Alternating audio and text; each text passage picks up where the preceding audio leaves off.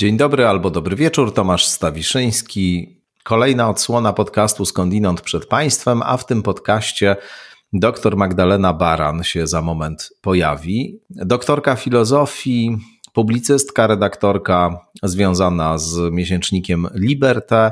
Prowadzi także podcast, który nazywa się Jest sobie kraj. No i filozoficznie, naukowo Magdalena Baran zajmuje się wojną. Napisała dwie świetne książki o wojnie, które Państwu bardzo serdecznie polecam. Oblicza wojny oraz Znaczenie wojny, pytając o wojnę sprawiedliwą. Kolejna książka wojenna jest w drodze, o tym Magdalena tutaj parę słów także powie.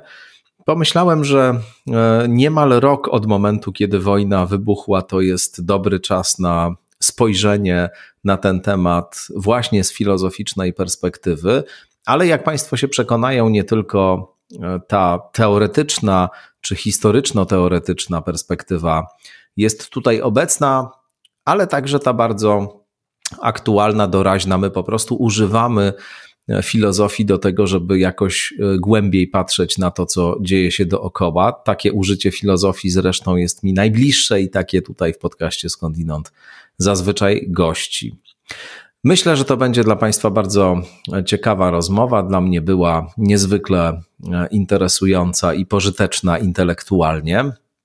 No i tradycyjnie oczywiście dziękuję wszystkim patronkom, patronom, subskrybentkom, subskrybentom, firmie StrategyWise, ekspertom do spraw komunikacji za wsparcie rekordowe na Patronite. Zachęcam do tego, żeby do grona patronek, patronów, subskrybentek, subskrybentów się przyłączyć.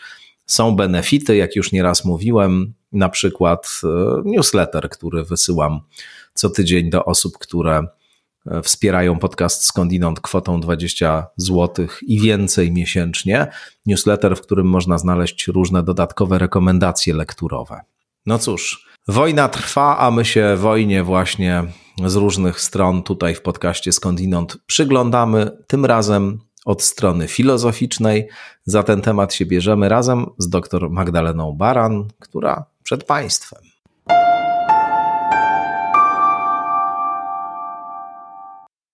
Doktor Magdalena Baran, gości w podcaście Skądinąd. Dzień dobry, cześć. Cześć, dzień dobry. No, będziemy rozmawiali o wojnie w kontekście filozoficznym, może zaskakującym dla niektórych, a dla tych, którzy jakoś są z tradycją filozoficzną zaznajomieni, no to w ogóle nie powinno być zaskakujące, bo wzmianki o wojnie u ojców założycieli, można powiedzieć, filozofii znajdujemy jeszcze w starożytności. Ale ja najpierw zapytam o to, jak to się stało, że akurat właśnie wojna stała się takim punktem głównym Twojego zainteresowania filozoficznego. Jesteś autorką dwóch książek e, poświęconych wojnie. Znaczenie wojny, pytając o wojnę sprawiedliwą, to jest ta książka, która się w Bibliotece Liberté ukazała i Oblicza wojny, problemy moralne współczesnych wojen, to jest książka nakładem wydawnictwa Arbitror wydana. E, no właśnie, jak to się stało, że akurat wojna e, Ciebie tak zainteresowała w kontekście działalności filozoficznej? Powinnam powiedzieć, że spraw, sprawców jest kilku. Mm. E, sprawców jest kilku. Wszystko zaczęło się w Instytucie Nauk o Człowieku we Wiedniu, a tak naprawdę podczas jednej ze szkół letnich, którą Instytut pod przewodnictwem Krzysztofa Michalskiego organizował wtedy w, w toskańskiej Kortonie. I miałam tam e, okazję, zaszczyt brać udział w seminariach Michaela Sandela. E, I przy którejś z rozmów z Michaelem e, właśnie o filozofii polityki, e, o tym, w jaki sposób budujemy nasze wspólnoty, e, Michael podsunął mi e, książki Michaela Wolcera, wtedy jeszcze zupełnie nietłumaczonego na język polski. To oczywiście były książki o wojnie. Mm, później a słownie rok, bo to był rok 2003, więc bardzo, bardzo dawno temu. Później zdarzyło mi się z dużą grupą mm, ja o tym zresztą piszę w tej pierwszej książce, ona się tak zaczyna, z bardzo dużą grupą międzynarodową być e, o zmierzchu w Birkenau. I to był taki moment, kiedy coś człowieka budzi. E, moment, kiedy przyjechaliśmy do Birkenau, był zmierzch, byliśmy tam ostatni, a weszliśmy na rampę, gdzieś w oddali zaczęły szczekać psy, jakiś zachód słońca, mgła wchodząca na obóz i ci ludzie a, Polacy, Węgrzy, Czesi, Słowacy, Tatar krymski, kilku Niemców. I zaczęliśmy sobie zadawać pytania o to, co gdyby ta historia zaczęła się jeszcze raz. I to był taki moment, że wiesz, miałeś wrażenie, że ten pociąg za chwilę tam wiedzie i że za chwilę te role zostaną na nowo rozdane. Ktoś będzie kimś i staniemy wobec największych pytań, wobec jakich może stanąć człowiek, e, wobec pytań o naszą godność, o sprawiedliwość, o odpowiedzialność za drugiego człowieka, o tą naszą reakcję na twarz drugiego, o której, o której tak pięknie przecież pisze Lewinas, ale też o, o to, co po wojnie, co po Auschwitz, o czym w ogóle, jak, jak można rozmawiać po wojnie, po tragedii, po zagładzie o wartościach moralnych.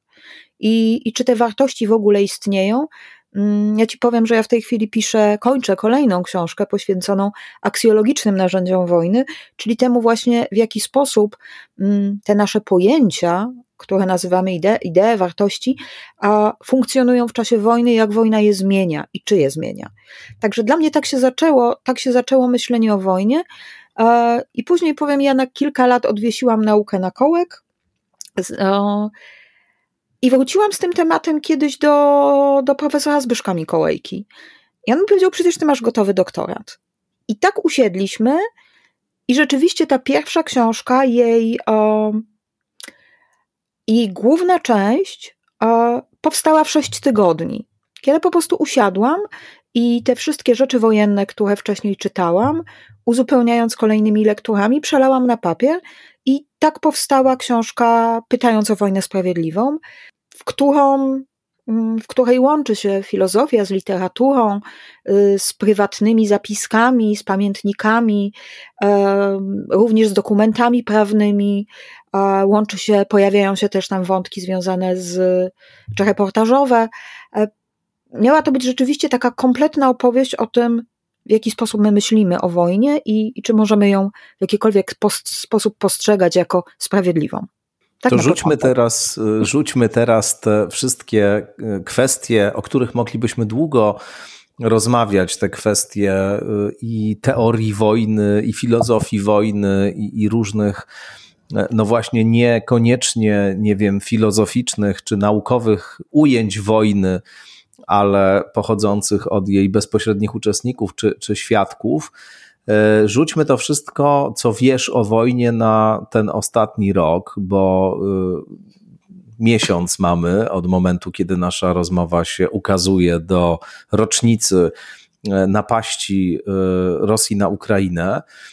Tutaj wiele wątków na pewno jest ciekawych, poczynając od tej semantycznej operacji, nazywania wojny specjalną operacją, a nie wojną, a nie agresją, ale to na chwilę zostawmy. W każdym razie jestem ciekaw, jak e, ta cała perspektywa Twoja, która była perspektywą teoretyczną, to znaczy perspektywą osoby, która się interesuje wojną, wojnie się e, przygląda pod kątem naukowym, ale która funkcjonuje w takim kręgu geograficznym, w którym od bardzo dawna już wojny nie ma i nie ma tej wojny za jej życia E, jak to się e, ma wszystko do momentu, w którym realna wojna tuż przy granicy wybucha? Czy ja zacznę od tego, że to pięknie, pięknie jak nas odmładzasz, mówiąc, że tej wojny za naszego życia nie było, e, nie było w naszej części świata, bo przecież jednak była. No były, tak, oczywiście. była wojna na Bałkanach na przykład. Była wojna, była wojna w byłej Jugosławii. E, natomiast powiem Ci, że to nie jest tak, że mm, wielu mówiło o jej, nie spodziewaliśmy się tej wojny, nie, nie, nie, nie, nie sądziliśmy, że coś takiego się wydarzy, a tak naprawdę to się wydarza od 2014 roku bo to się wydarza od aneksji Krymu, bo aneksja Krymu de facto była wypowiedzeniem wojny. I kiedy tutaj rzeczywiście Putin używa cała, cała rosyjska. Mm, w całej rosyjskiej narracji pojawia się to sformułowanie operacja specjalna, e, Podobnie, podobne tendencje przecież były, e, jeśli chodzi o aneksję Krymu. Mówiło się aneksja, mówiło się, e, używało się tam konf, e, słowa konflikt, nie używało się słowa wojna, a przecież zgodnie z prawem międzynarodowym my od tego momentu mamy do czynienia ze stanem wojny w tym miejscu. Takie mm, w ogóle dla mnie uciekanie od używania terminu wojna ciągnie się w tej myśli i, i w działaniach międzynarodowych bardzo długo, bo przecież kiedy mieliśmy w latach 90. ludobójstwo w Rwandzie, to chociażby e, George Bush zakazał używać swojej administracji słowa ludobójstwo e, w stosunku do, w stosunku do tego, co się wówczas w Rwandzie działo. E, zalecano u, używania określenia zamieszki plemienne, sytuacja wewnętrzna. I, i, I rzeczywiście są na, to, są na to dokumenty. Natomiast kiedy pytasz o to, mm, może najpierw, czy myśmy się tej wojny, myśmy się tej wojny spodziewali. Myśmy się tej wojny spodziewali na bardzo wiele sposobów i, i tak naprawdę od bardzo dawna. Ja o tym już kilka razy też mówiłam, że nawet sposób, w jaki wykorzy- wy, wycofywały się amerykańskie wojska z Afganistanu, to ile, e, ile dostaw e, sprzętu wojskowego e, z różnych części świata trafiało na Ukrainę, mniej więcej od listopada, tam ostatnie dostawy to był chyba jeżeli się nie mylę, około 15, 14, 15 lutego to były ostatnie dostawy sprzętu samolotami, które trafiały, więc tej wojny się, tej wojny się spodziewano, może tylko nie, nie do końca wiedziano, w którym momencie w którym momencie ta wojna, e, ta wojna wybuchnie, w którym momencie. Ale wiesz, przepraszam, wejdę ci. Ukraina zostanie krótko, zaatakowana. Krótko w słowo, że, że ja dobrze pamiętam, zresztą tutaj nieraz y, na falach skądinąd o tym w ciągu tego ostatniego roku mówiliśmy, jak wielu e, ekspertów od spraw rosyjskich, jak wielu ekspertów od spraw wojskowości niemal do ostatniej chwili twierdziło, że tutaj nic się nie wydarzy, że to jest tylko teatr, że to jest tylko wywieranie presji, że to jest straszenie i że tylko nie ma straszenie żadnych... zawsze musi mieć swoją granicę. Tak, straszenie tak, się kiedyś naturalnie. kończy, bo przestaje, przestaje przynosić jakikolwiek efekt. Właśnie A... o to chodzi straszenie przestaje mieć jakikolwiek efekt. Ja od lat biorę też udział w takich konferencjach, e, to są konferencje Międzynarodowego Stowarzyszenia Etyki Wojskowej. E, I, te, e, I w czasie tych konferencji rzeczywiście większość jej uczestników to są wojskowi. Nas tam cywilów jest może 10, może 15% na około 150 osób, które, które przyjeżdżają. I pamiętam e, taką konferencję, ona akurat była online, właśnie przed, jeszcze przed wojną, e, i oni się wtedy zastanawiali, jak długo to straszenie jeszcze potrwa. I padły z takiego zresztą ust rosyjskiego profesora słowa, że, e, że my już wiemy, że to będzie. Że my już wiemy, że to będzie, że u nas, u nas się już mówi, że to będzie i że to dłużej nie wytrzyma. Profesora, który zresztą, mm, który zresztą wyjechał z Rosji, wyjechał z Rosji e, tuż e, po rozpoczęciu wojny, zapakował, zapakował rodzinę, bojąc się aresztowania e, i zresztą publikuje w dalszym ciągu na tych opozycyjnych portalach właśnie teksty dotyczące, dotyczące etyki wojny. Także mm, ja myślę, że, że tutaj coś, coś pękło i i może ta zbliżające, też zbliżające się i, i, i negocjacje członkostwa Ukrainy w Unii Europejskiej i zbliżanie się e, coraz, coraz większe Ukrainy do NATO, no, miało być takim straszakiem oczywiście, e, czy agresja rosyjska miała być straszakiem dla, dla Unii, ale też dla krajów, które, e, co do których Rosja rości sobie E, różnego rodzaju prawa, e, mniej czy bardziej urojone. E, no mówimy też o tym, w jaki sposób mniej czy bardziej legendarne staje się to, stało się to, w jaki sposób Putin spędzał pandemię. Tego oczywiście nigdy się nie dowiemy, czy wtedy powstał jego pomysł na, na, na, na Wielką Rosję i, i myślę, że tu kiedyś specjaliści będą głowili się nad różnymi aspektami e, e, zachowań Władimira, Władimira Putina. E, no ale rzeczywiście wydaje się, że, że skoro tutaj coś się może przelało historycznie, a również poszukiwano uzasadnienia, uzasadnienia tej agresji, o, o czym pewnie za chwilę, to po prostu pękło to po prostu pękło i ja myślę, że my też nie jesteśmy w stanie, nawet kiedy patrzymy, mm, może tak, jeżeli wojna jest, tym, co to pięknie kiedyś pisał Keegan, o tym, że Wojna, wojnę znajdujemy w tych e, najbardziej tajemniczych miejscach ludzkiego serca, gdzie rządzi duma, gdzie emocje są najważniejsze, a równocześnie tam, gdzie króluje instynkt. I on pisał, że to jest miejsce, w którym my właśnie znajdujemy wojnę. A, I myślę, że to jest takie miejsce, w którym, e, w którym rozpoczęła się myśl o agresji, która następnie została, została przemieniona w czyn. No tutaj jeszcze można by dodać, że mm, po stronie tej argumentacji na rzecz tezy, że były zapowiedzi i można się było zorientować już od dłuższego czasu, że coś takiego jest bardzo realistyczną perspektywą, wbrew właśnie różnym głosom E, tych osób, które twierdziły, że nic takiego z pewnością się nie wydarzy. No więc można by dodać, że jak się czyta, słucha wystąpienia Putina, powiedzmy z ostatnich 15 lat, poczynając od słynnej mowy w Monachium tam w 2007 roku, która jest e, do obejrzenia w całości na YouTubie, no to mhm. można swobodnie się zorientować, że tam bardzo wyraźne zapowiedzi tego, co się stanie, jeśli granice NATO będą się tak, przesuwały. Dokładnie e, jest, jest już tam obecne w tym wszystkim, co on mówił. Co więcej, no, mm, tylko tutaj e, za, za moment jeszcze o tym szerzej porozmawiamy.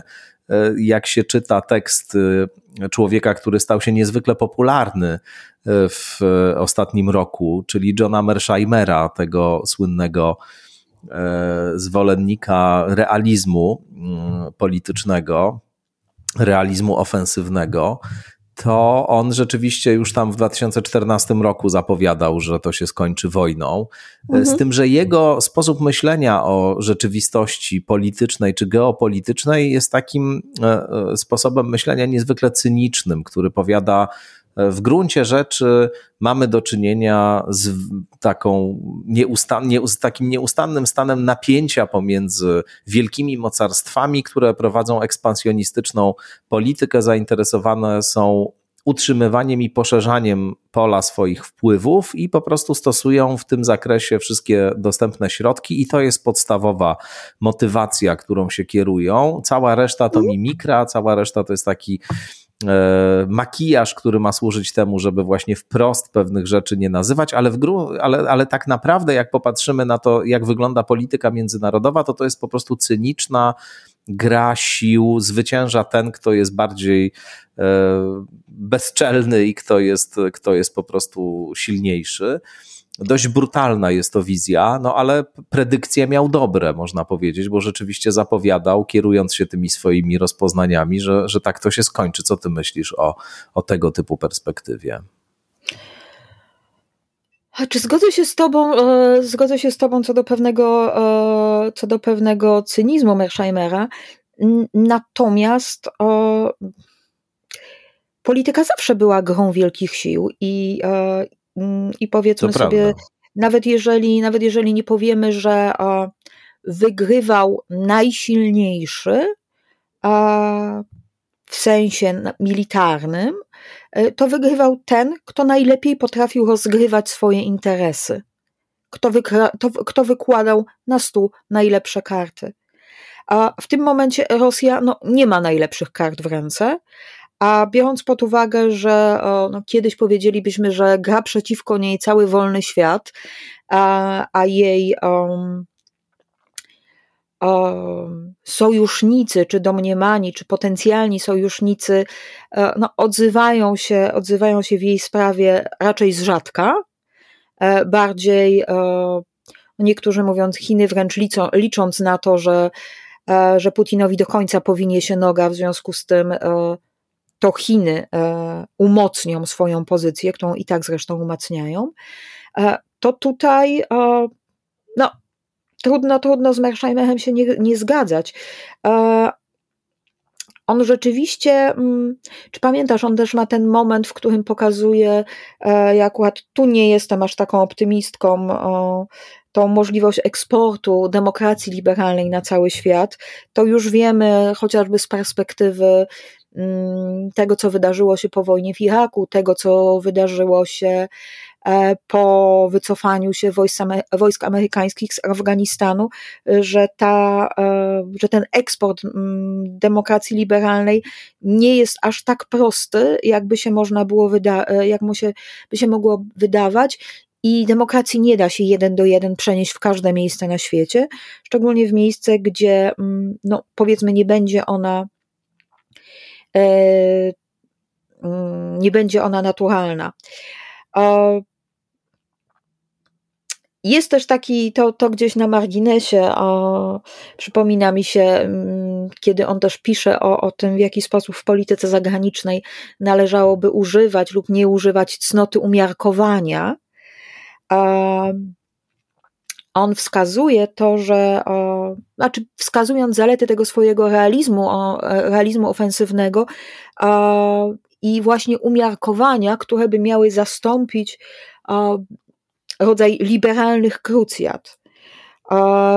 On tam pisze, że liberalne krucjaty powodują tak naprawdę dużo więcej problemów, e, więc może to umiarkowanie byłoby, byłoby tutaj lepsze.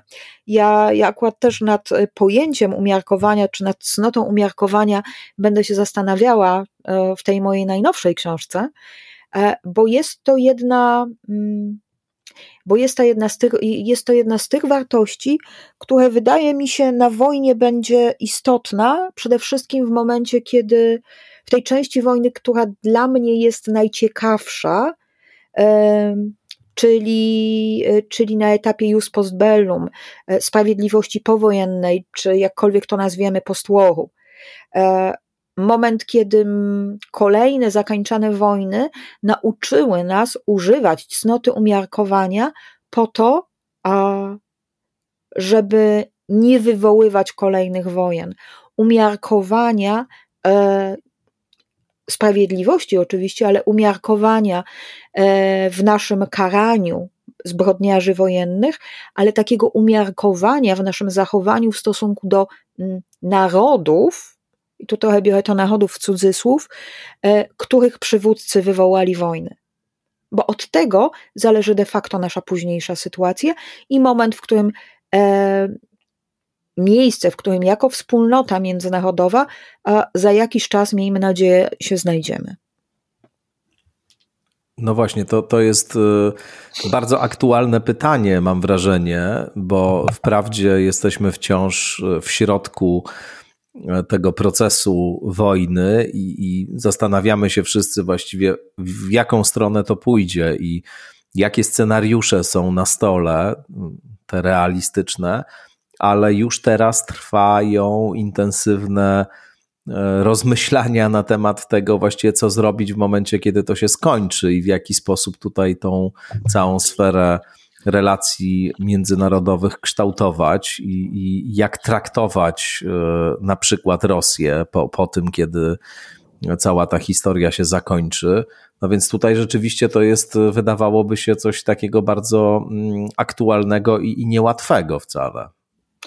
Te scenariusze, oczywiście tu nie będziemy sobie wróżyć z fusów, natomiast a, gdzieś mogę powiedzieć tyle, że ja sama biorę udział od jakiegoś czasu, jestem człon, członkinią e, grupy roboczej e, przy European Liberty Forum, która przygotowuje czy przygląda się temu, e, w jaki sposób dalej chcemy rozwijać Unię Europejską czy to ma być e, stage integration, czy mamy to rzeczywiście przechodzić stopniami, e, czy mamy przyspieszać procesy integracyjne dla niektórych krajów, w tym dla Ukrainy, e, czy dla Gruzji, czy też przede wszystkim musimy zacząć od przedefiniowania sobie tego, czym jest dzisiaj European Perspective, ta europejska perspektywa, którą przecież zaproponowano iluś krajom, jak chociażby Serbii, jak chociażby Czarnogórze, jak chociażby kiedyś Turcji, ale tą sytuację zostawimy sobie, zostawimy sobie na boku.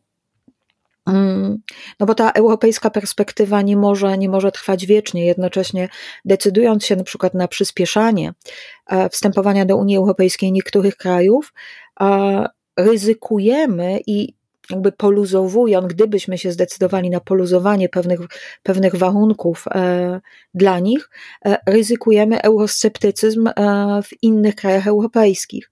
Więc musimy, musimy sobie bardzo mierzyć to ryzyko. Zresztą co ciekawe, akurat kiedyś oglądałam taki reportaż, w którym sami Ukraińcy mówili, nie no jak to my do Unii z naszą korupcją, Najpierw musimy sobie z tym poradzić. Mm, I to byli ludzie gdzieś na bazarze, e, na bazarze w Kijowie, więc też tutaj ludzie zdają sobie sprawę tam, i, i że, że to nie będzie prosta droga, ale też um, też um, też mam taką mam taką myśl o, związaną no właśnie z tym przystępowaniem do Unii, poszerzaniem Unii i i z szansami na postłor, który y, dla mnie to będzie element postłoru, powojnia, ale powojnia, które my dzisiaj już musimy w naszych głowach projektować nie tylko dla Ukrainy, właśnie w tym sensie albo odbudowy na poziomie infrastruktury, czy tego wszystkich mechanizmów ukarania winnych, e, z czym będziemy oczywiście, bo przecież pracują prokuratorzy e, Międzynarodowego Trybunału e, Karnego w Hadze, pracują na terenie Ukrainy, zbierają dowody, zastanawiamy się, może też do tego wrócimy, jakiego rodzaju tak naprawdę zbrodnie zostały tam zgodnie z prawem międzynarodowym popełnione, ale my też musimy myśleć o postpowojniu europejskim, ponieważ ta sytuacja, ta wojna bardzo mocno przenika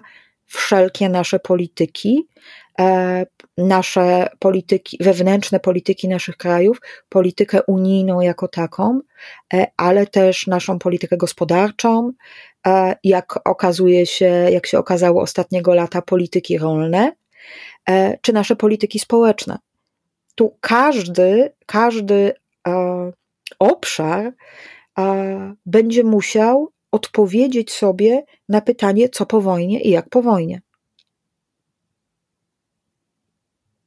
Tak, no to jest niezwykle y, złożone, rozległe zagadnienie, o którym właściwie też z pewnego punktu widzenia trudno jest dzisiaj myśleć czy, czy mówić, ponieważ my nie wiemy, co się wydarzy i nie wiemy, jaki, jakie, jakie zakończenie tego całego procesu y, nastąpi. Jeszcze bym się odwołał do tego Mersheimera na moment, wracając do wojennej rzeczywistości, w której żyjemy, jeszcze nie wybiegając do, do powojennej. E, mi się wydaje, że tam jest e, u niego bardzo wiele takich trafnych diagnoz, natomiast ja mam generalnie problem z tym, że te diagnozy e, u niego przechodzą w normy, to znaczy, że on z tego, jak jest, wywodzi, jak być powinno i zakłada, że tak jak być, tak jak jest, to znaczy, to znaczy tak być powinno. I to wszystko jeszcze robi na zimno. I to wszystko mówi jeszcze totalnie na zimno. No więc y, przy zgodzie, że rzeczywiście w ogromnym stopniu zapewne te mechanizmy tak wyglądają i że to są podstawowe motywacje na przykład wielkich mocarstw, to jednak trudno mi się zgodzić z tym, żeby uznać to za e, status quo, które po prostu jest jakie jest i, i, i, takie być też powinno. W każdym razie on e, e, jakiś czas temu opublikował taki esej na łamach Foreign Affairs, który dotyczy potencjalnych scenariuszy rozwoju sytuacji właśnie. Tam się między innymi odwoływał do klasyka, czyli do Klausewica oczywiście, który to Klausewic e, powiada, że wojna e, jest takim procesem, w którym obie strony, najkrócej rzecz ujmując, dążą do e, samowyniszczenia wzajemnego i, i jest to taki proces, który po prostu prowadzi logicznie do, do e, całkowitej zagłady, no ale muszą się pojawić jakieś warunki możliwości, żeby e, nastąpił pokój. E, musi być jakiś moment, w którym obie strony decydują, chyba że mamy do czynienia po prostu z jednoznacznym zwycięstwem jednej ze stron. Jeśli tak nie jest, no to strony muszą znaleźć jakiś, jakieś pole, na którym mogą się porozumieć i muszą znaleźć jakieś warunki możliwości zawarcia pokoju, które będą e, przeważały tę możliwość e, całkowitego e, unicestwienia się nawzajem, ale to jest bardzo realna perspektywa w logice procesu wojennego. No więc on się zastanawia, jakie są dzisiaj właściwie warunki możliwości zawarcia tego pokoju w tym tekście i mówi, że on ich nie widzi. To znaczy, że wydaje mu się, że obie strony w, tym, w tej sytuacji już są tak daleko, że nie ma możliwości, żeby się wycofały, że ani Ukraina się nie wycofa, ani Rosja się nie wycofa. No i pytanie, do czego to doprowadzi? Czy doprowadzi do wieloletniego, wyniszczającego konfliktu, który będzie trwał, trwał, trwał i trwał, bo Zachód będzie do, dosypywał te, tej broni i pieniędzy, a Rosja będzie tam cały czas prowadziła jakieś, jakieś e, kampanie czy też e, no właśnie doprowadzi do jakiejś radykalnej eskalacji, w której, w której któr, któraś ze stron sięgnie po środki mające na celu e, przeważenie tej szali jednoznaczne, no ale wtedy jest też niebezpieczeństwo, że wyeskaluje to wszystko do takiego naprawdę jakiegoś scenariusza e, nieprzewidywalnego zupełnie i, i, i, i jakiegoś potencjalnie mm, będącego zagrożeniem w skali globalnej, na przykład do, do scenariusza użycia broni jądrowej. Jak, jak ty myślisz o tych warunkach możliwości e, pokoju czy rozstrzygnięcia tej sytuacji, w której teraz jesteśmy, czy w której jest e, Rosja, Ukraina i Zachód oczywiście? Ja się oczywiście uśmiechnęłam w momencie, kiedy, kiedy przywołałeś Klausewica, jednak zrobię kilka kroków, mhm. e, czy kilka, kilkanaście wieków wstecz w stosunku do Klausewica najpierw. Pamiętasz, już święty Augustyn pisze, że pokój jest, że właściwym celem wojny, celem wojny jest tak. pokój. Tak. Jest osiągnięcie trwałego pokoju. To samo nam potem mówią wszyscy klasycy i De Vittoria, e, to samo, mm, to samo znajdziemy e, u Grotiusa. Ten pokój, e, pokój jako właściwy cel wojny pojawia się u wszelkich klasyków. Oczywiście ten pokój, który musimy i my się cały czas zastanawiamy, jakimi metodami może być osiągnięty. A tu wchodzi nam ta cała teoria wojny sprawiedliwej, do której dojdziemy albo nie. E, natomiast kiedy przywołujesz Klausewica, e, pamiętaj, że e, u Klausewica jest ten ważny moment, kiedy on mówi, że tak naprawdę celem wojny jest zmuszenie przeciwnika do tego, żeby pełnił, spełnił naszą wolę. I tutaj chyba w scenariuszu, który mamy na Ukrainie, nie ma tego, nie ma w tej chwili chyba opcji, e, w której przeciwnik spełni naszą wolę, w którą przeciwnik, e, czy to agresor, czy to e, spełni wolę Ukrainy i zrobi krok do tyłu, czy Ukraina podda się agresji ze strony Rosji. Ja mam taką wielką, wielką obawę, czy o tym, co ja za chwilę widzę w stronę pozytywną, to, to za moment, ale e, tak, przychodzi mi do głowy taki scenariusz, w którym rzeczywiście gdzieś pomiędzy granicą Unii Europejskiej, gdzieś przy granicy Unii Europejskiej będziemy mieli po prostu spaloną ziemię. Będziemy mieli spaloną ziemię i będziemy, ja się bardzo boję tego, co już się chyba trochę wydarza, e, że my się przyzwyczailiśmy do tej wojny. I nastąpiło to bardzo szybko. Bo oczywiście mieliśmy wielki, wielki zryw e, pomocy e, e, osobom uciekającym przed wojną. A mieliśmy i dalej oczywiście mamy, bo przecież dalej pojawiają się konwoje z pomocą jeżdżące na Ukrainę. I, i, mamy, i mamy wielu wielu ludzi wokół siebie, czy to studentów na uniwersytecie, czy naszych, nasze koleżanki, kolegów w pracy, e, którzy, którzy są Ukraińcami. E, natomiast e, chyba nawet kiedy pytam moich studentów o to, w jaki sposób oni podchodzą, podchodzą do wojny, to oni mówią, że media spowodowały i zalew przekazem medialnym spowodował, że ta wojna staje się dla nich czymś zwyczajnym że to jest e, no po prostu obraz, który przewija się przed oczami. E, oni wiedzą, że to jest, natomiast można się zastanawiać, na ile w tym momencie ta wojna jeszcze powoduje, że nam się zakłóca poziom odporności społecznej.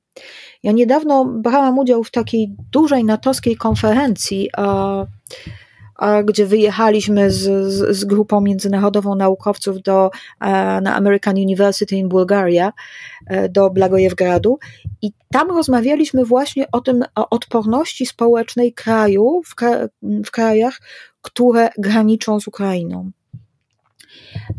I te wyniki badań, jakie się pojawiają, mm, bardziej pokazują to, w jaki sposób rządy tych krajów wykorzystują mm, wojnę w Ukrainie dla destabilizowania sytuacji wewnętrznej. To przede wszystkim e, był przykład mm, Orbana, który mówiąc, że tylko on jest w stanie zabezpieczyć Węgry przed wciągnięciem je w wojnę, wygrywa, wygrał kolejne wybory. Y, to jest też to, co dzieje się w Polsce, jak chociażby e, tu sformułowanie putinflacja, czyli zrzucanie całej inflacji e, tylko i wyłącznie na, na warunki wojenne. E, więc my się bardziej takim rzeczom teraz przyglądamy. Natomiast scenariusz pokoju, jest taki moment u Barbary Tuchman bodaj w Wyniosłej Wierze, kiedy pisze ona o tym, jak wyglądało planowanie kolejnych konferencji około, około pokojowych. E, my mówimy o takich czasach jeszcze przed istnieniem konwencji haskich, przed, przed istnieniem konwencji genewskich. Tak naprawdę to jest moment, kiedy planuje się pierwszą konferencję w, w Hadze. I to jest moment, kiedy przed tą, planując tą międzynarodową konferencję, w Europie rozniosły się takie głosy, ponieważ inspiratorem tej konferencji miał być rosyjski car. Więc w Europie podniosły się głowy, no, rosyjski car e, z gałązką oliwną w ręku, tego jeszcze w Europie, ba, tego nawet na świecie jeszcze nie widziano. Ja sądzę, że tym razem też tego rosyjskiego, w cudzysłowie mówiąc, cara e, z gałązką oliwną też nikt nie zobaczy, ale my w tym wszystkim oczywiście pytamy, e, pytamy o tą perspektywę pokoju, o tą perspektywę, czy ten pokój będzie i czyj ten pokój będzie, bo pokój trochę, trochę zawsze jest czyjś. Ale ale też pytamy o, o tą trzecią część e, i mojej ukochanej teorii wojny sprawiedliwej, czyli jus post bellum, czyli również o sprawiedliwe reguły zakończenia wojny. No i jak doskonale pamiętasz, e, to już Kant powtarzał, że tak naprawdę w każdym państwie musi istnieć jakaś legalna siła, która będzie karała zbrodnie. I dalej powtarzał e, że musi również istnieć moc karania zła popełnionego przez jedno państwo przeciwko drugiemu. To potem powtarzali, powtarzał również Suarez, ale to powtarza się w wersji, w wersji współczesnej. Tylko w wersji współczesnej my mamy jakby dwa stanowiska, bo to jest albo stanowisko minimalistyczne, albo maksymalistyczne. I szukając dzisiaj pokoju, Ja myślę, że my się będziemy musieli składać właśnie, skłaniać ku temu minim, maksymalizmowi, bo minimalizm to są takie um, to są takie reguły, um, które głównie ograniczały e, wyobraźnię i możliwe ekscesy tych państw, które wojnę wygrywały, e, państw zwycięskich. Natomiast maksymalizm nakłada na zwycięzców już nie tyle przywileje, co nakłada na nich powinności. ja bardzo, mm, bardzo lubię, o tym zresztą też piszę w, w, zupełnie nowej książce, o te siedem obszarów e, właśnie sprawiedliwego powojnia, o których mówi kanadyjski filozof Brian Orent. E, Orent mówi przede wszystkim o konieczności proporcjonalności pokoju i jego publicznym obwieszczeniu. Mówi o właściwym sposobie dochodzenia odszkodowań, e, mówi o czymś, co on nazywa dyskryminacją. Ta dyskryminacja u niego tak naprawdę powinna się pojawić w takim cudzysłowiu, bo mówi o, o tym, w jaki sposób ka, e, karze się, w jaki sposób szuka się tych, których należy ukarać, ale mówi o ukaraniu nie tylko agresorów, ale każdej osoby, która w czasie wojny przekroczyła prawo wojny i pokoju. Stąd też w tym ukaraniu, w dalszych, w czwartym, piątym e, swoim, w czwartej, piątej swojej regule, będzie mówił o tym, że rzeczywiście muszą zostać ukarani odpowiedzialni każda osoba, która złamała zasady, czy to po stronie atakujących, czy to po stronie zaatakowanych. Do tego oczywiście dochodzi odpłata, czyli wszelkie rekompensaty wojenne, co jakby jest oczywiste, ale dla mnie najciekawszym punktem jest to, co on określa mianem rehabilitacji.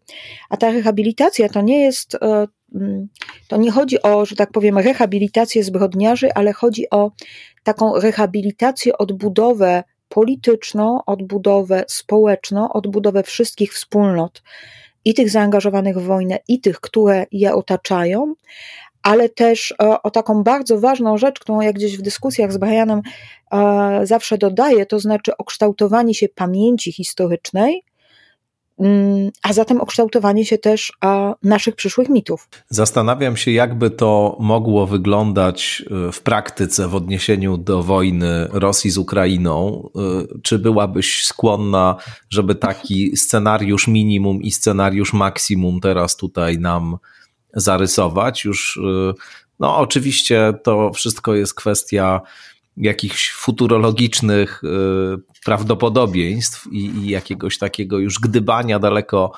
idącego, no ale filozofowanie to też eksperymenty myślowe oczywiście, więc nie boimy się takich e, eksperymentów tutaj.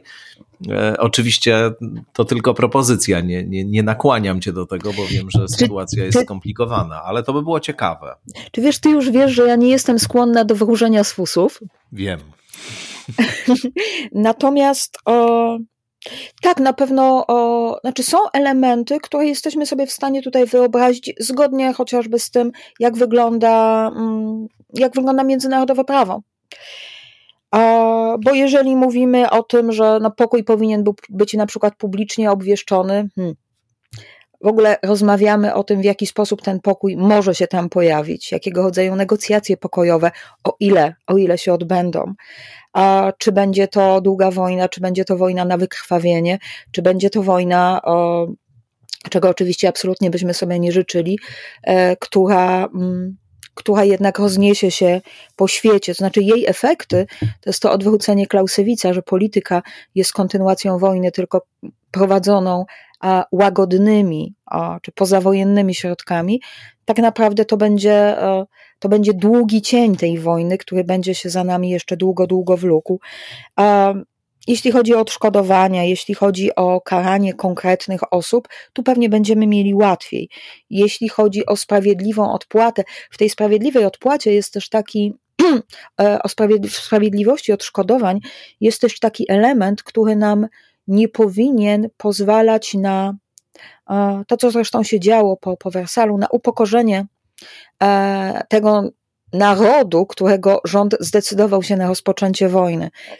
Po to, żeby chociażby nie, nie tworzyć tego mechanizmu resentymentu, ale żeby też dać szansę na jakąś racjonalną odbudowę, nawet rehabilitację społeczną e, tej tkanki.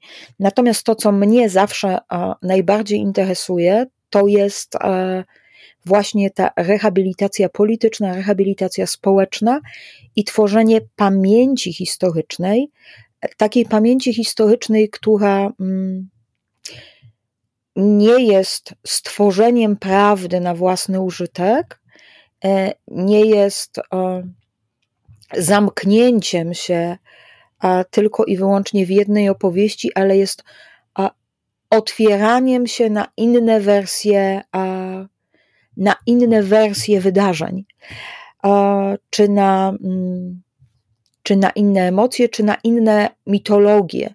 I nie chodzi tu o usprawiedliwienie, e, ale o szukanie drogi do dialogu.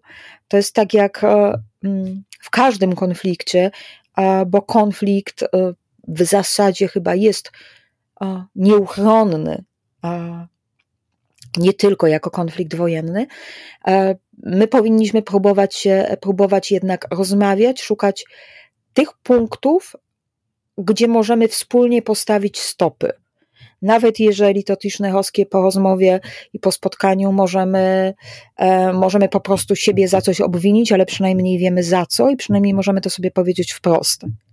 A myślisz, że tutaj, że tutaj jest e, taki grunt właśnie, na którym można wspólnie postawić stopy? Ja, ja myślę też o takich e, głosach, e, które od czasu do czasu się pojawiają, dotyczących właśnie i warunków możliwości pokoju i, i w ogóle tej sytuacji konkretnej. Jakiś czas temu w Gazecie Wyborczej też był wywiad z Iwanem Krastewem, bardzo ciekawy. No to już, jak mówię, było jakiś czas temu, to nie jest najświeższa rzecz, ale wiele się chyba od tego czasu nie zmieniło i Krastew też tam e, wyrażał wątpliwość, czy no właściwie ta sytuacja, w której się tutaj znaleźliśmy, to jest sytuacja, w której jeszcze ktokolwiek może się powiedzmy wycofać, czy, czy właśnie e, w której obie strony mm, mają jakąś możliwość, żeby na takim wspólnym gruncie stanąć. Mm, czy to już jest taka sytuacja, w której właściwie jedyną opcją jest e, zero albo jeden? Tylko zero albo jeden nigdy nie jest wyjściem. Mhm. A, no bo co, jeżeli mówimy 0 albo 1, to mówimy albo o e, całkowitej e, porażce Rosji, tak albo jest. całkowitej i w tym momencie całkowitej wygranej Ukrainie, al, Ukrainy, albo kapitulacji Ukrainy a wy, i wygranej Rosji, co e, generalnie chyba wydaje nam się scenariuszem mm, jeszcze mniej możliwym niż to pierwsze. A czy jest możliwa kapitulacja, czy jest możliwe wycofanie się Rosji? Mm. I dlatego mówię, że, że mówię o tym długim cieniu wojny. A mówię o tym długim cieniu wojny, dlatego że o, póki mamy Putina u władzy, o, to o taką opcję, o, o, o, taką możliwość wydaje się jest bardzo, bardzo trudno. Opowiedzenie właśnie o tego, tak jak mówiłam, mm, o tego cara w cudzysłowie z gałązką oliwną w dłoni. No ja teraz oglądałem, nie, nie, nie w całości jeszcze, ale tuż właściwie przed naszą rozmową e, jakąś tam część widziałem e, konferencji e, dorocznej Siergieja Ławrowa i no, narracja, którą on tam przedstawiał, była narracją nie pozostawiającą żadnych złudzeń co do tego, jak Rosja widzi tę sytuację, czy jak chce, żebyśmy ją widzieli i żeby wszyscy ją widzieli. To znaczy, jest to prowadzona za pośrednictwem Ukrainy wojna Stanów Zjednoczonych z Rosją. Tak. I przy okazji tego kolektywnego Zachodu, które to Stany Zjednoczone do tej wojny doprowadziły. To jest całkowicie odpowiedzialność tej strony e, zachodniej właśnie.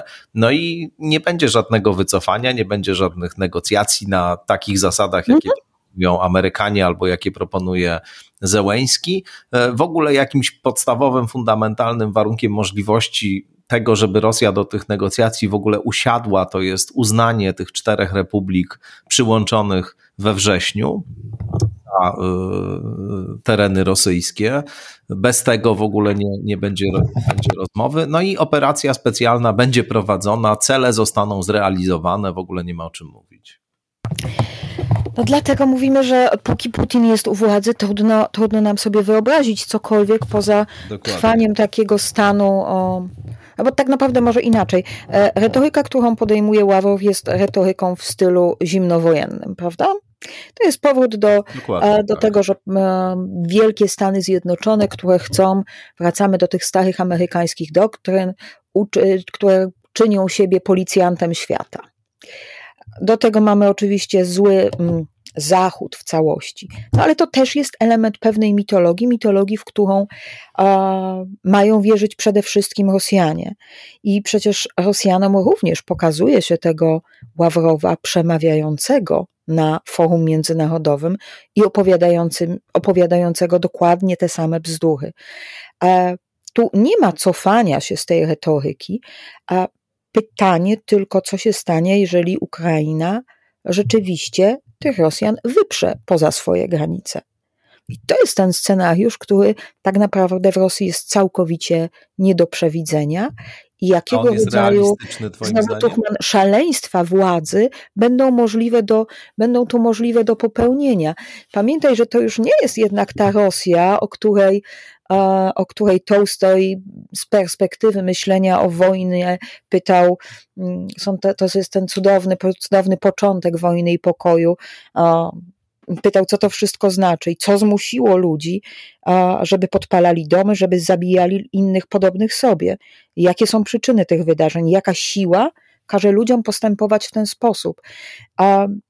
I, i tą siłą, jak dla mnie, my, my gdzieś o tym mówimy pod spodem, tą siłą dla mnie jest ten mit tej wielkiej Rosji, ale też te wszystkie małe mitologie, które za tym stoją i te małe urazy i te resentymenty, które są podsycane, a, a w które przecież wiemy, że nie wszyscy Rosjanie jednak wierzą.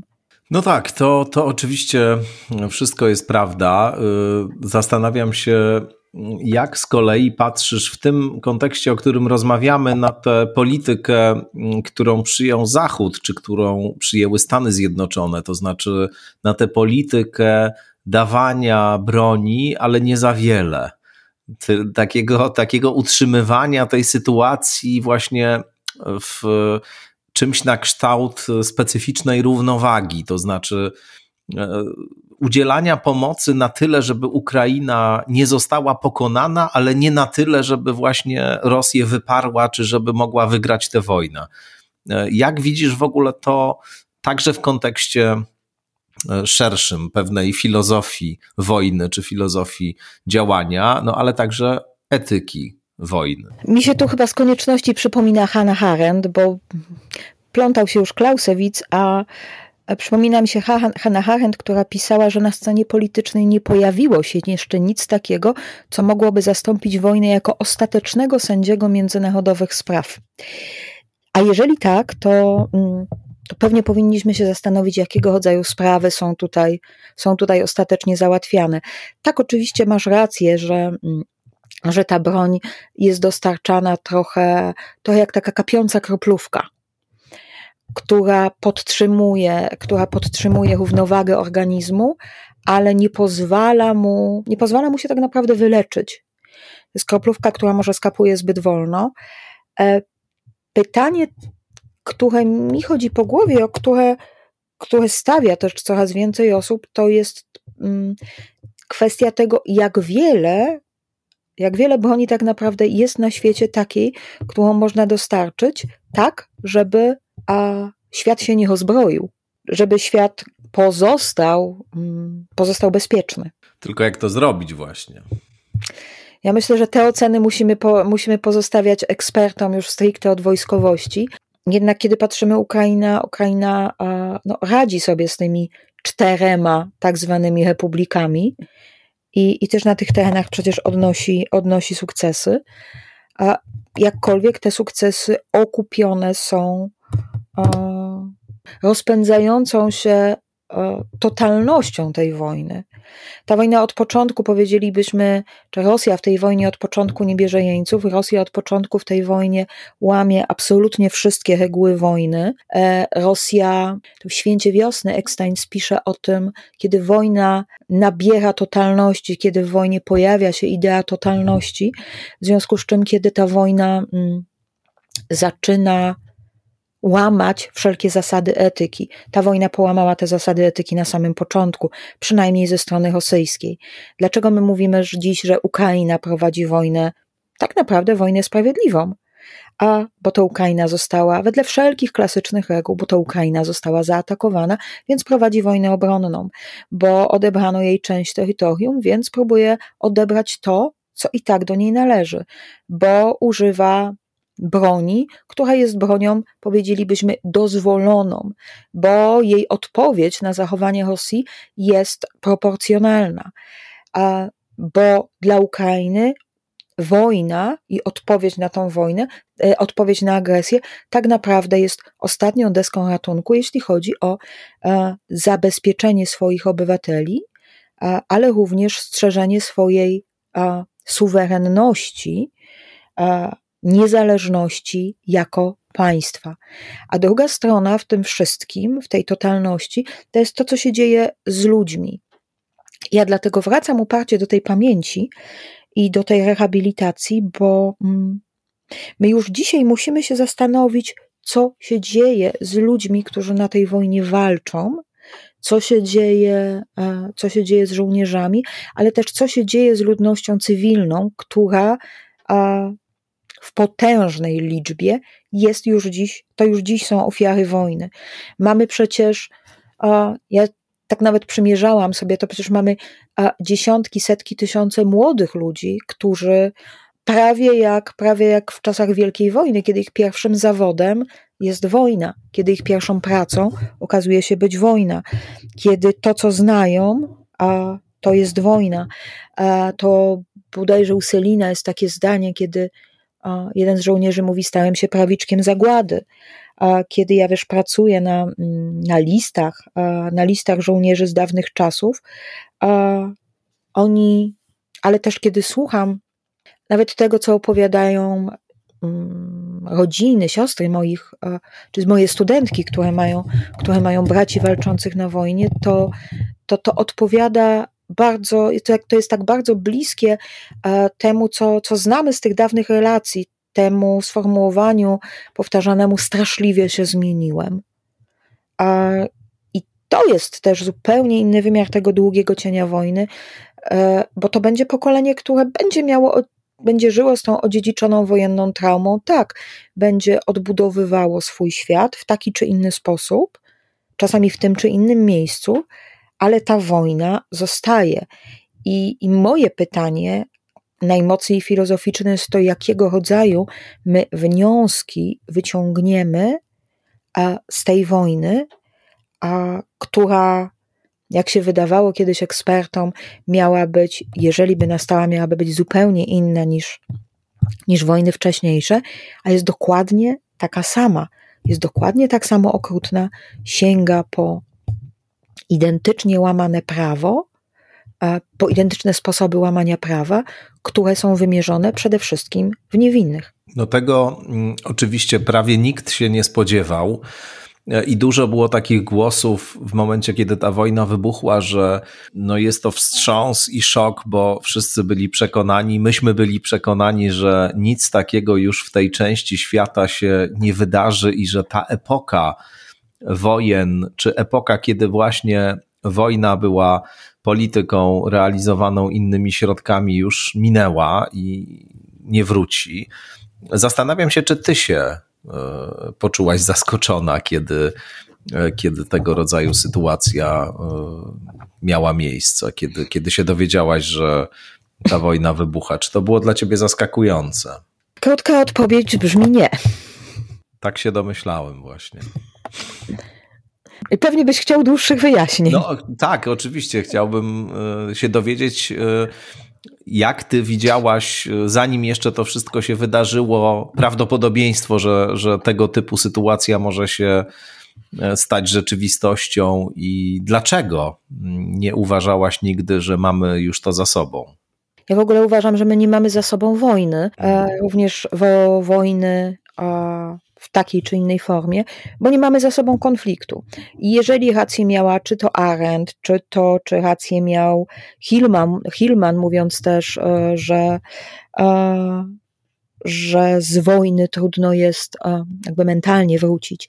Czy rację miał przywoływany gdzieś już dzisiaj przeze mnie Kigan, że, że wojna rzeczywiście tkwi gdzieś na samym dnie w człowieku i, i kiedy e, dochodzi się do takich ostatecznych, e, ostatecznych momentów w sobie, to, to wybija pewna, czy wojna wybija na pierwszy konflikt, wybija na pierwszy plan, czy to nasza złość, czy to nasza zawiść, czy to, czy to nasze niezabliźnione rany, ale przecież podobnie, podobnie gdzieś z narodami, a jeżeli mm, z jednej strony patrzyliśmy na kolejne kroki Rosji e, i kolejne i całą politykę Rosji e, putinowskiej, e, że tak się wyrażę, to przynajmniej od czasu aneksji Krymu czyli tam ówczesnego wypowiedzenia wojny w 2014 roku, kolejne kroki ku tej wojnie były podejmowane.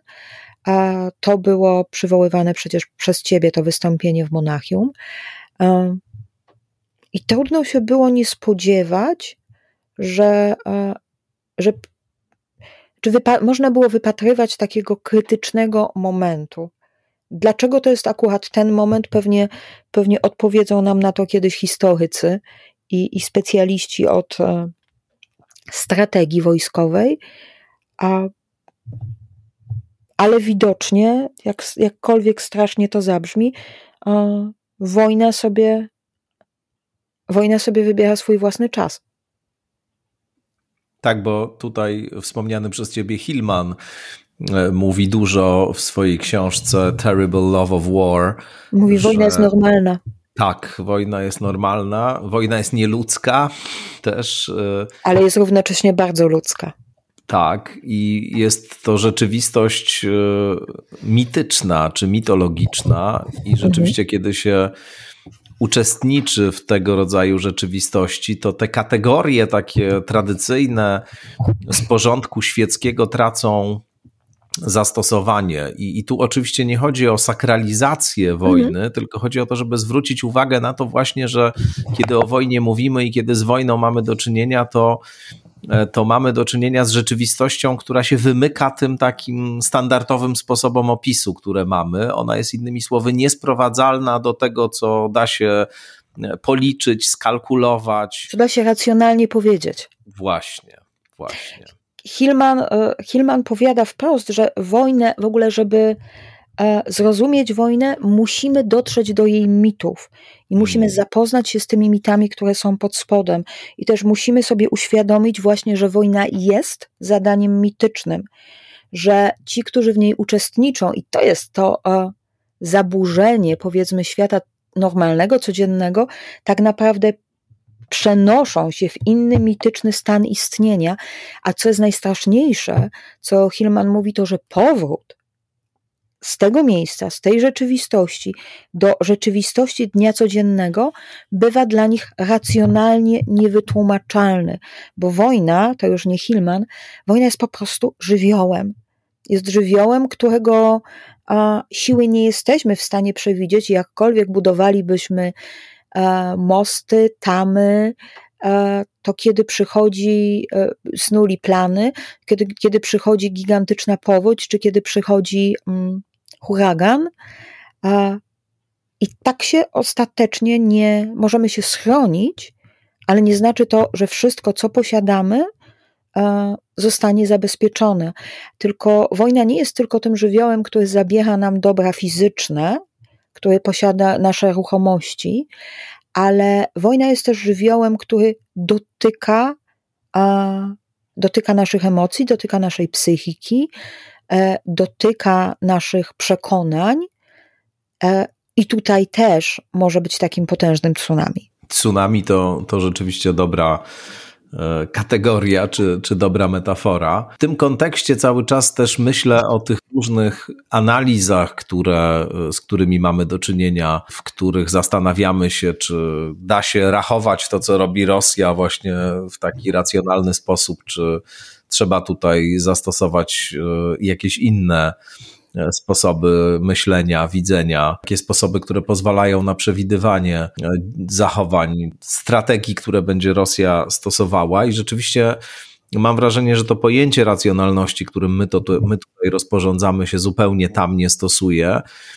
I skądinąd coraz intensywniej jest widoczne przemieszczanie tej opowieści, która w Rosji jest na temat wojny, w rzeczywistość mitu, religii, coraz więcej się właśnie takich stosuje pojęć i kategorii e, do opisu tego, co się dzieje. E, wcześniej to jeszcze były te wszystkie denazyfikacje, demilitaryzacje. Mhm. Dzisiaj mamy desatanizację Ukrainy i właściwie taki rodzaj opowieści o dziejowej, eschatologicznej roli Rosji, która w tym porządku e, metafizycznym e, walczy z siłami degradacji, zła, które rozmontowują substancje cywilizacji chrześcijańskiej przez Rosję właśnie reprezentowanej. E, to nie jest dobry zwiastun, mam wrażenie, jeśli chodzi o przewidywania tego, co się będzie działo, ale jest to w ogóle też ciekawe, że, że, że pod wpływem też tego, co rzecz jasna można interpretować jako jednak poważną dość porażkę Rosji, która spodziewała się, że będzie e, operacja specjalna trwała bardzo krótko i że zrobią to samo, co zrobili z Krymem 10 e, lat temu. No więc w tym kontekście powrót do tej mitologiczno-religijnej opowieści jest, jest interesujący. Tak, to na pewno. Tylko myślę, że to jest taki moment, kiedy, kiedy wydaje się, że już tylko mit pewne rzeczy wyjaśnia. I trochę się tego, trochę się tego obawiam, bo o ile e, wojnę można zacząć od mitu, to bardzo niebezpieczne jest to, jeśli mitem się ją zakończy lub kiedy ona stanie się e, mitem założycielskim jakiegoś myślenia. To jest coś, czego ja się bardzo, bardzo obawiam. To jest coś, czego udało się uniknąć w paru miejscach na świecie, e, kiedy na przykład odtwarzano mm, społeczność po ludobójstwie w Rwandzie, gdzie samo, sama pamięć o ludobójstwie istnieje. E, jest przecież nawet dzień, w którym Dzień Pamięci Ofiar Ludobójstwa. Natomiast uczono e, ludzi żyć ze sobą nawzajem. E, I nie mówię tylko o tej sferze, kiedy odbyły się, kiedy działał Międzynarodowy Trybunał Karny dla Rwandy, e, kiedy odbywały się procesy, czy to państwowe, czy to, e, to sprawowanie mm, przez tak zwanych nieskalanych czy sprawiedliwych sprawiedliwości na poziomie plemiennym, ale to w jaki sposób ludzie krok po kroku uczyli się uczyli się żyć obok siebie i odtwarzać społeczność.